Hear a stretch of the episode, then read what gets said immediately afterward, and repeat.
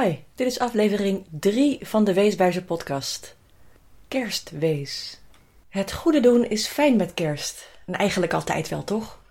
En weeskinderen blij maken met kerst is natuurlijk ook hartstikke tof. En dat kan ook. Maar doen we het wel om de goede reden? In deze aflevering een confrontatie, maar ook goed nieuws. Want ja, je kan helpen. Op een heel mooie manier. En nee, Weeswijzer vraagt niets van je. Gratis tip vandaag.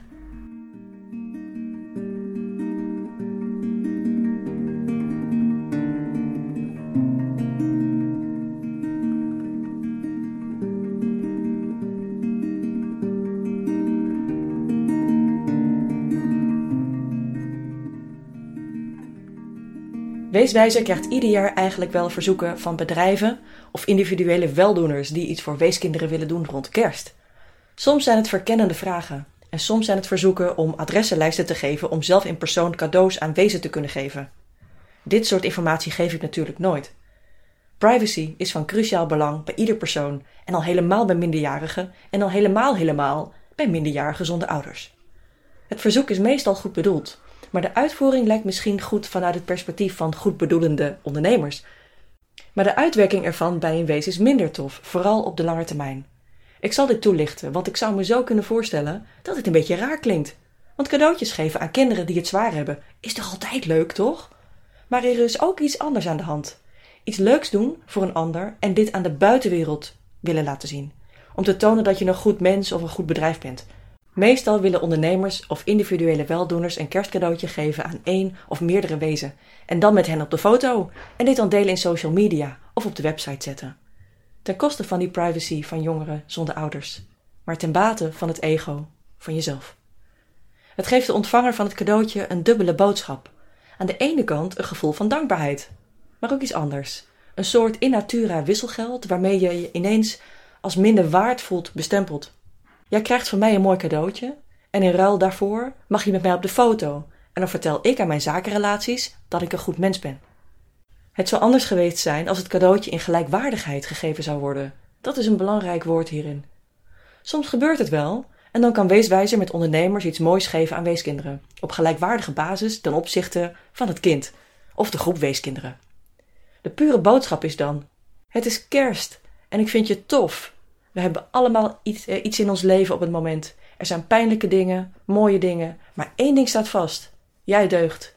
En ik wil dat je een fijne kerst hebt, wat er ook gebeurt. Daarom geef ik je een kerstcadeautje. Fijne kerst.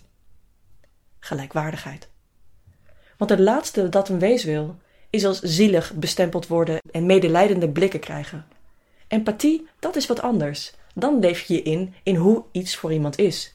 Je staat naast iemand en stapt even in iemands schoenen om ervan te leren.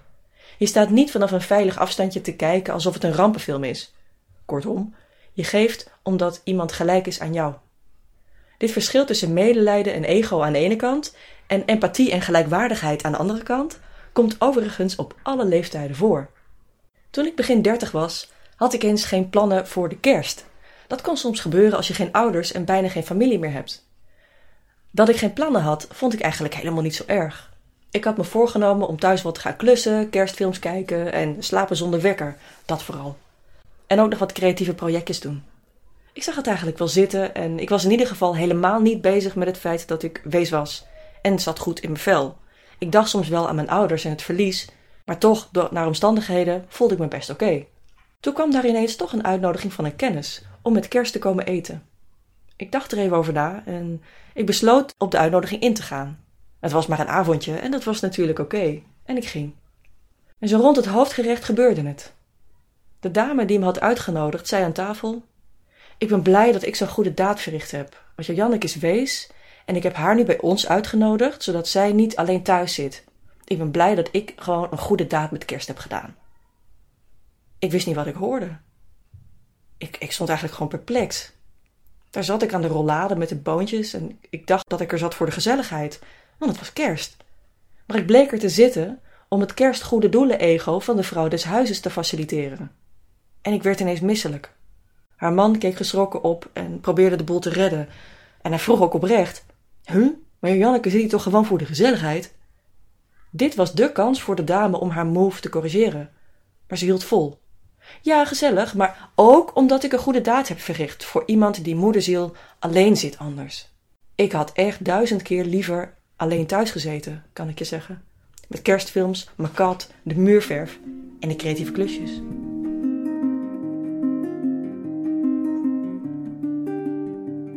Want ik wist, ik was zielig in haar ogen. Ik was haar kerstwees. Dit was voor mij een radicale schop richting radicaal zelfrespect. Dit zou me niet nog eens overkomen. Ik vertelde het al in de eerste aflevering van de Weeswijze podcast. Er is niets zieligs aan weeskinderen. Ze zijn precies als jij, met dezelfde rechten. Ze hebben alleen wel een enorm, onomkeerbaar verlies geleden. En, en voelen daar natuurlijk ook gewoon bij wat daarbij hoort. En ze leven hier iedere dag mee en bouwen aan een nieuw evenwicht en een volwaardig leven. En een toekomst. Dus als je wezen een cadeautje wil geven, doe dat dan om de juiste reden en op de juiste manier. De juiste manier is: je weet dat een kind sterk en veerkrachtig is en net zo hoopvol op een goed leven als jij. Je weet zelf hoe 2020 jou heeft behandeld en dit scenario beleeft een weeskind eigenlijk deels al sinds zijn of haar ouders zijn gestorven. Maar dan niet in een wereld vol 7 miljard lotgenoten, maar in stilte.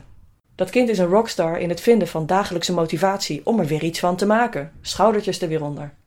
Zit op een kamertje in een opvang misschien en leert op een matrasje voor zijn eindexamen VWO. Dat is niet zielig, dat is vet stoer. Dat verdient respect. En een kerstcadeautje. En wat je dan kan geven, is niet zo heel moeilijk. Sluit het liefst 100% aan bij wat iemand al leuk vindt, plezier in heeft. Of waar iemand goed in is en zich verder in, in wil ontwikkelen.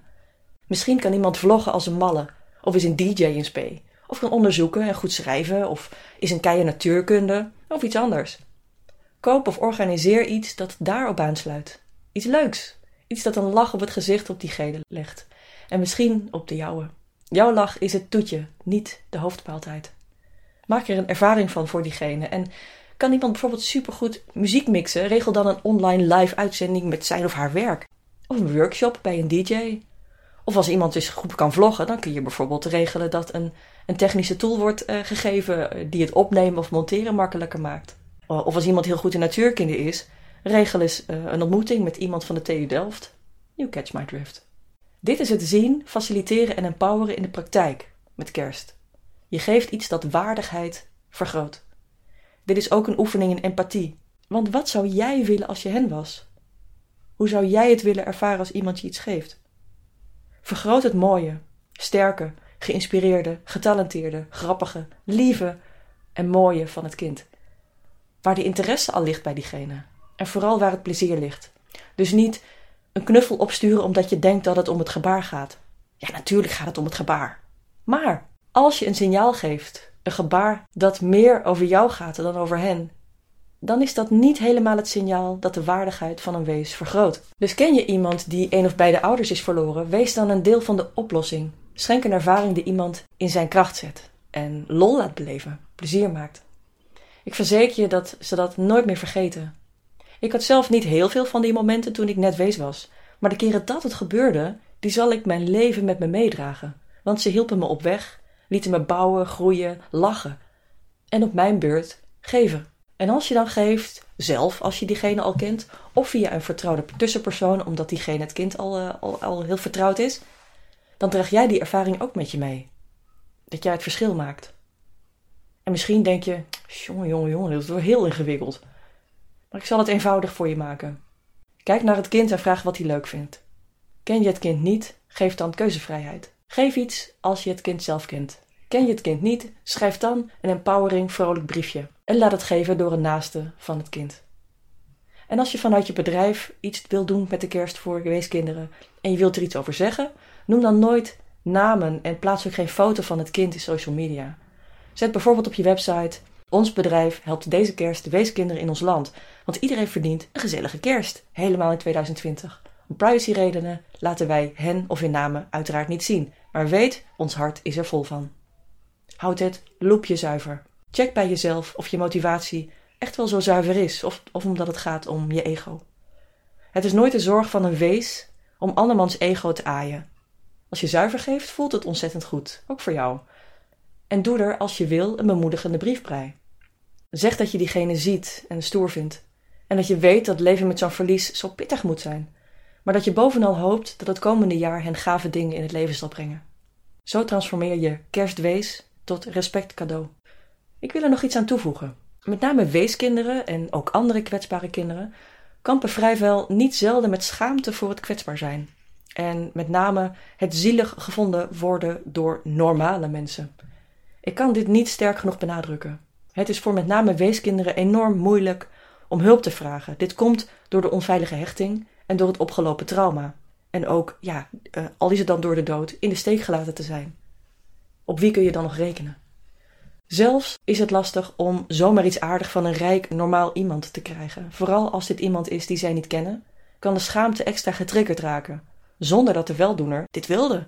En daarbij kan dit het trauma juist versterken, in de zin dat de jongere veel sneller een gedachte ja, zal laten wortels schieten als ik ben een charity case en alleen weggevertjes waard.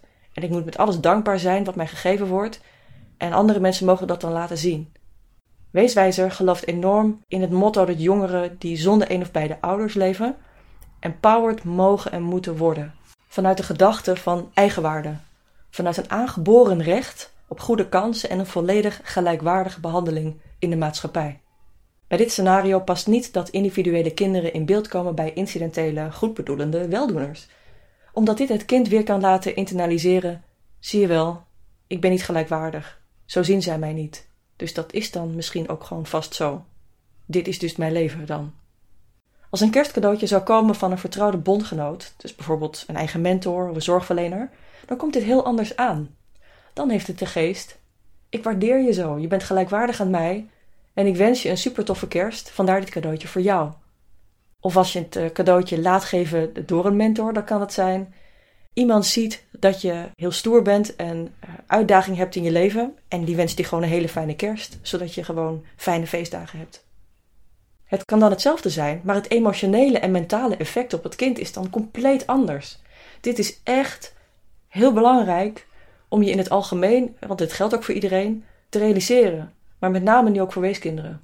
En dit zijn ook precies de redenen dat de meeste organisaties die zich voor kinderen inzetten, er eigenlijk meteen voor kiezen om of financiële donaties aan te nemen, of donaties in natura, zoals kerstpakketjes bijvoorbeeld, te laten verdelen, te distribueren door hun vertrouwde vrijwilligersnetwerk dat al een relatie heeft met die kinderen in kwestie.